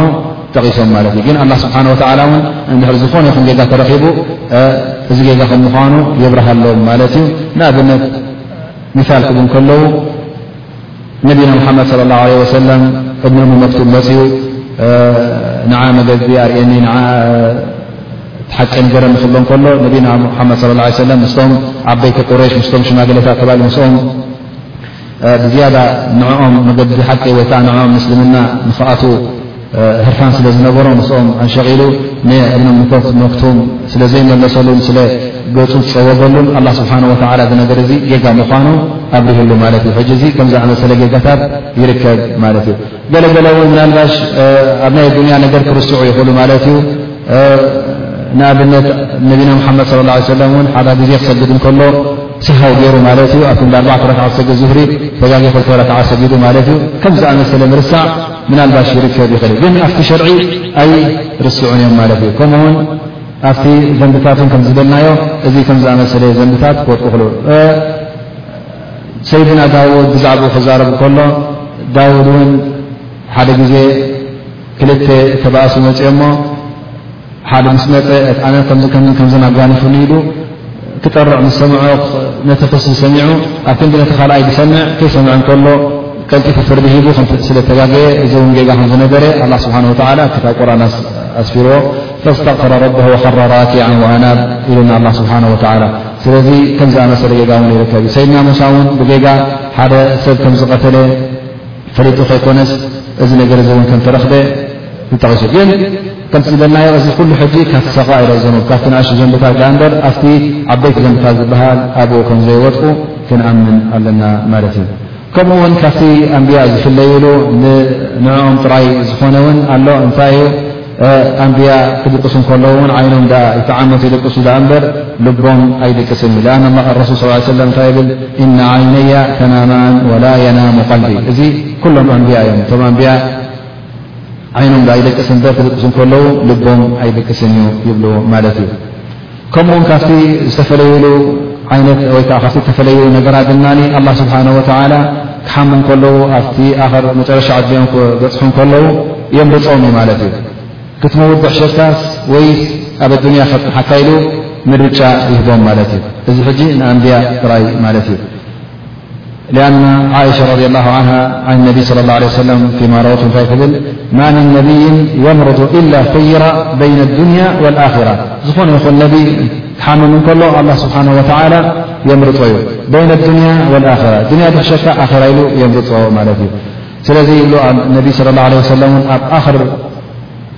እቲ ቐርቐራ ክበፅሕ እንከሎ ኸላስ እቲ ምስ ደኸመ እንታይ ኢሉ መዓ ለዚነ ኣንዓመ ላሁ ዓለይህም ምና ነብይና ወስዲቂና ወሹሃዳ ወሳልሒን ኢሉ እዛ ኣያ እዚኣ ቀሪቡ ስለዚ ዓእሻ ረድ ላ ዓን እንታይ ትብል በዛ ነገር እዚኣ ዮም ኣልቅያማ ንሞት ከም ዝመረፀ ተረዲእና ትብል ማለት እዩ ስለዚ ምኽንያቱ ምስቶም ረቢ ዝንዓመሎም ምስቶም ነብያታትን ምስቶም ስድቂን ምስኦም ኣሕልፈኒ ኢሉ ስለ ዝመረጸ ይብሉ ማለት እዩ።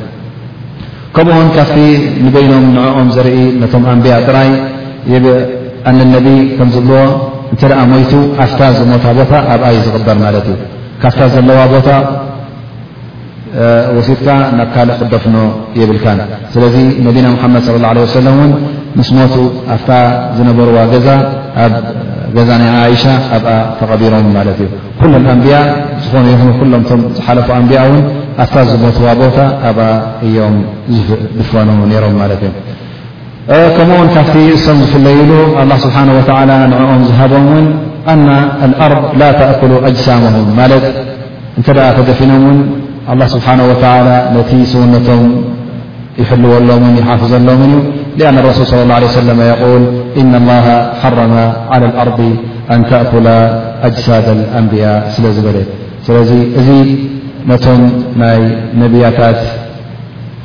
ፈዲ ዘርኢ እቲ ንበይኖም ኣላ ስብሓን ወተዓላ ዘበርከተሎም ይኸውን ማለት እዩ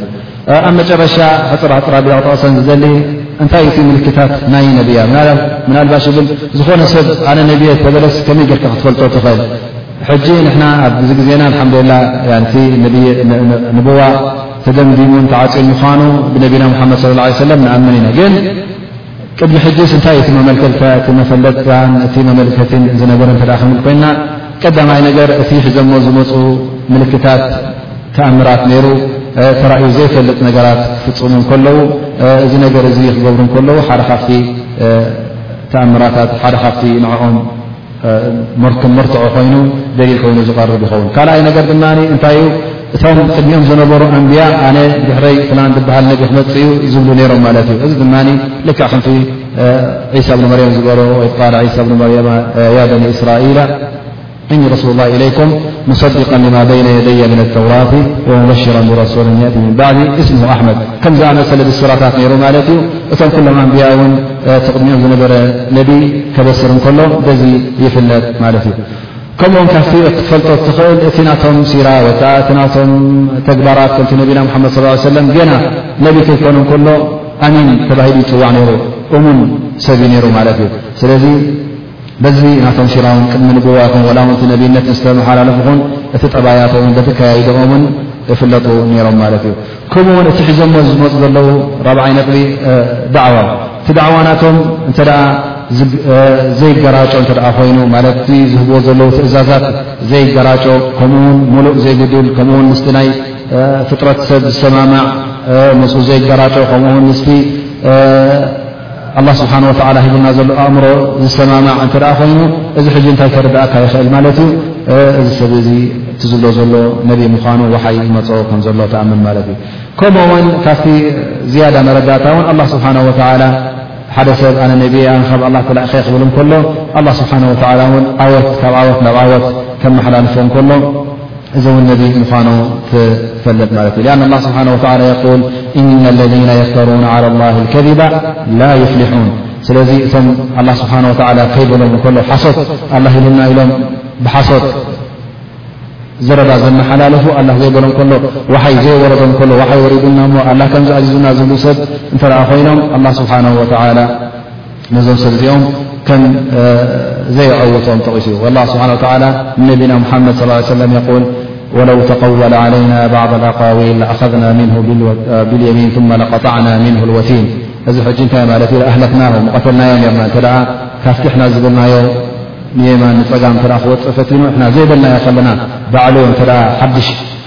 ቃል ኣመሓላሊፉ ስርሑ ንርኣናዮ ርና መህለቕናዮ ርና ይብል ማለት እዩ ስለዚ ኣላ ስብሓን ወተላ ነቶም ናይ ብሓቂ ነብያታት ኩሉ ግዜ ይዐውቶም እተ ካብ ዓወት ናብ ዓወት ክጎናፀፍ ርኢኻዮም ናይ ብሓቂ ኣንብያ ምዃኖም ክትፈልጥ ትኽእል ማለት እዩ መጨረሻ ገለ ሕቶ ኣሎ ማለት እዩ ብስም ላ ርሕማን ራሒም ኣሰላሙ ዓለይኩም የል ሃል የጁዝ ሩእየት ኣፍላም ኣለቲ ታሕኪ ቀሰስ ኣልኣንብያ እቲ እዛ ሕቶ ትብል ኣላ ገለ ኣፍላም ኣሎ ቀሰስ ናይ ኣንብያ ዘምፅእ እዚ ኣፍላም እዚ ክትርኢ እንተ ኮይንካ ሃል የጁዝ ድዩ ወይ ፍቀድ ድዩ ኣይፍቀድን እዚ መልሲ ክንበሉ እተ ኮይና ቀዳማይ ነገር እቲ ትሕዝቶ ናይ ፊልም ኩሉ ክፍለጥ ኣለዎ ማለት እዩ ምክንያቱ እቲ ፊልም እንታይ ንታይ ከም ዘለዎ ርኢኻ ሽዑ ዩ መልሲ ትበሉ ምናልባሽ ደቂ ኣንስትዮ ኣለዋ ኮና መብዝሕቲ እውን ንገለ መጠዓዓሚ ኢሎም ብዙሕ ነገራት ዘይሓቂ ሓቅነት ዘይብሉ እዮ ትብሉ እዮም ካልኣይ ነገር እውን ገሊኦም ውን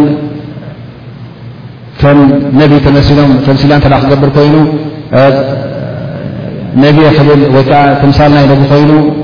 ከም ኣክተር ኮይኑ ማለት መመስል ኮይኑ ሽም ናይ ነቢ ሒዙ ከም ነቢ ክምስል እውን እዚ ሓራም ምኳኑ ዑለማ ተዛሪቦም ርኦም ስለዚ መብዝሕቱ እዚ ንዝን ስለ ዘለዎ ንክትሪኦ ፋይዳ ከምዘይብሉ በል ብልዓተስ እውን ብኣንፃሩ ብዙሕ ዜጋታት ከምረካ ክእል ዩ እቲ ዘይተገብረ ነገር ዘይሓቂ ዝኮነ ነገር ን ከምህረካ ይኽእል ማለት እዩ እዚ ሎ ካልይ ሕቶ የብል ማ ያ ኣልክቱብ ኣለቲ ተንሰሑ ብቅራኣትሃ ዓን ቅሰስ ኣልኣንብያ ገለ ክታብቲ እንተ ንኾይኑ ብዛዕባ ቅሰስ ናይ ኣንብያ ይሓት ኣሎ ካብዚ ኣወል ኣብቲ ቀንዲ ነገር ከነተክረሉ ዘለና ቅሰስ ናይ ኣንብያ እተ ክመስሉ ኮይና እቲ ቕኑዕ ዝኾነ ኣብ ክታብ ቁርን እዩ ዘሎ ካብ ተፍሲር ክትወስዶ ከለኻ ዝበለፀ እቲ ተፍሲር ድማ እሱ እቲ ውሪ ዝኾነ ተፍሲር ናይ በዓል ተፍሲር እብን ከቲር ይኹን ናይ ካልኦትቶም ዓበይት ፈሲሪን ናቶም ትኽተል ከምኡ ውን እብን ከቲር ቅሰስ ኣልኣንቢያ ዝተባህለ ኣሎ ከም ዝኣመሰለ ከተንብብ ከለኻ ራ ኣለዎ ማለት እዩ ግን እዚ ቅሰስ እዚ እውን ኩሉ ሚእቲ ካብ ሚእቲ ክትቅበሎ ኣይትኽእልን ኢኻ ምኽንያቱ ገለገለ ቀሰስ ኣሎ እስራኤል እያ ዝተባህለ ዝኣተወ ምኽንያቱ ካብ ናይ በኒ እስራኤል ካብ ተውራት ካብ እንጂል ገለገለታት ካብኡ ዝሰምዕዎ ምስኡ ስለ ተሓዋወሰ ብዙሕ ጌጋታት ክትረኽበሉ ስለ ትኽእል ክትጥንቀቕ ኣለካ ማለት እዩ ንምዃኑ ተንብቦ ምስ ኣንበብካዮ እውን እንተ ገለ ነገር ኣሸጋሪ ረኺብካሉ ወይ ከዓ ግር ዝብለካ ኮይኑ ንገለ ዑለማ ነቶም ፍልጠት ዘለዎም ዕልሚ ዘለዎም ንዕኦም እንተሓተትካ ዝበለፀን ዝሓሸን ይኸውን ማለት እዩ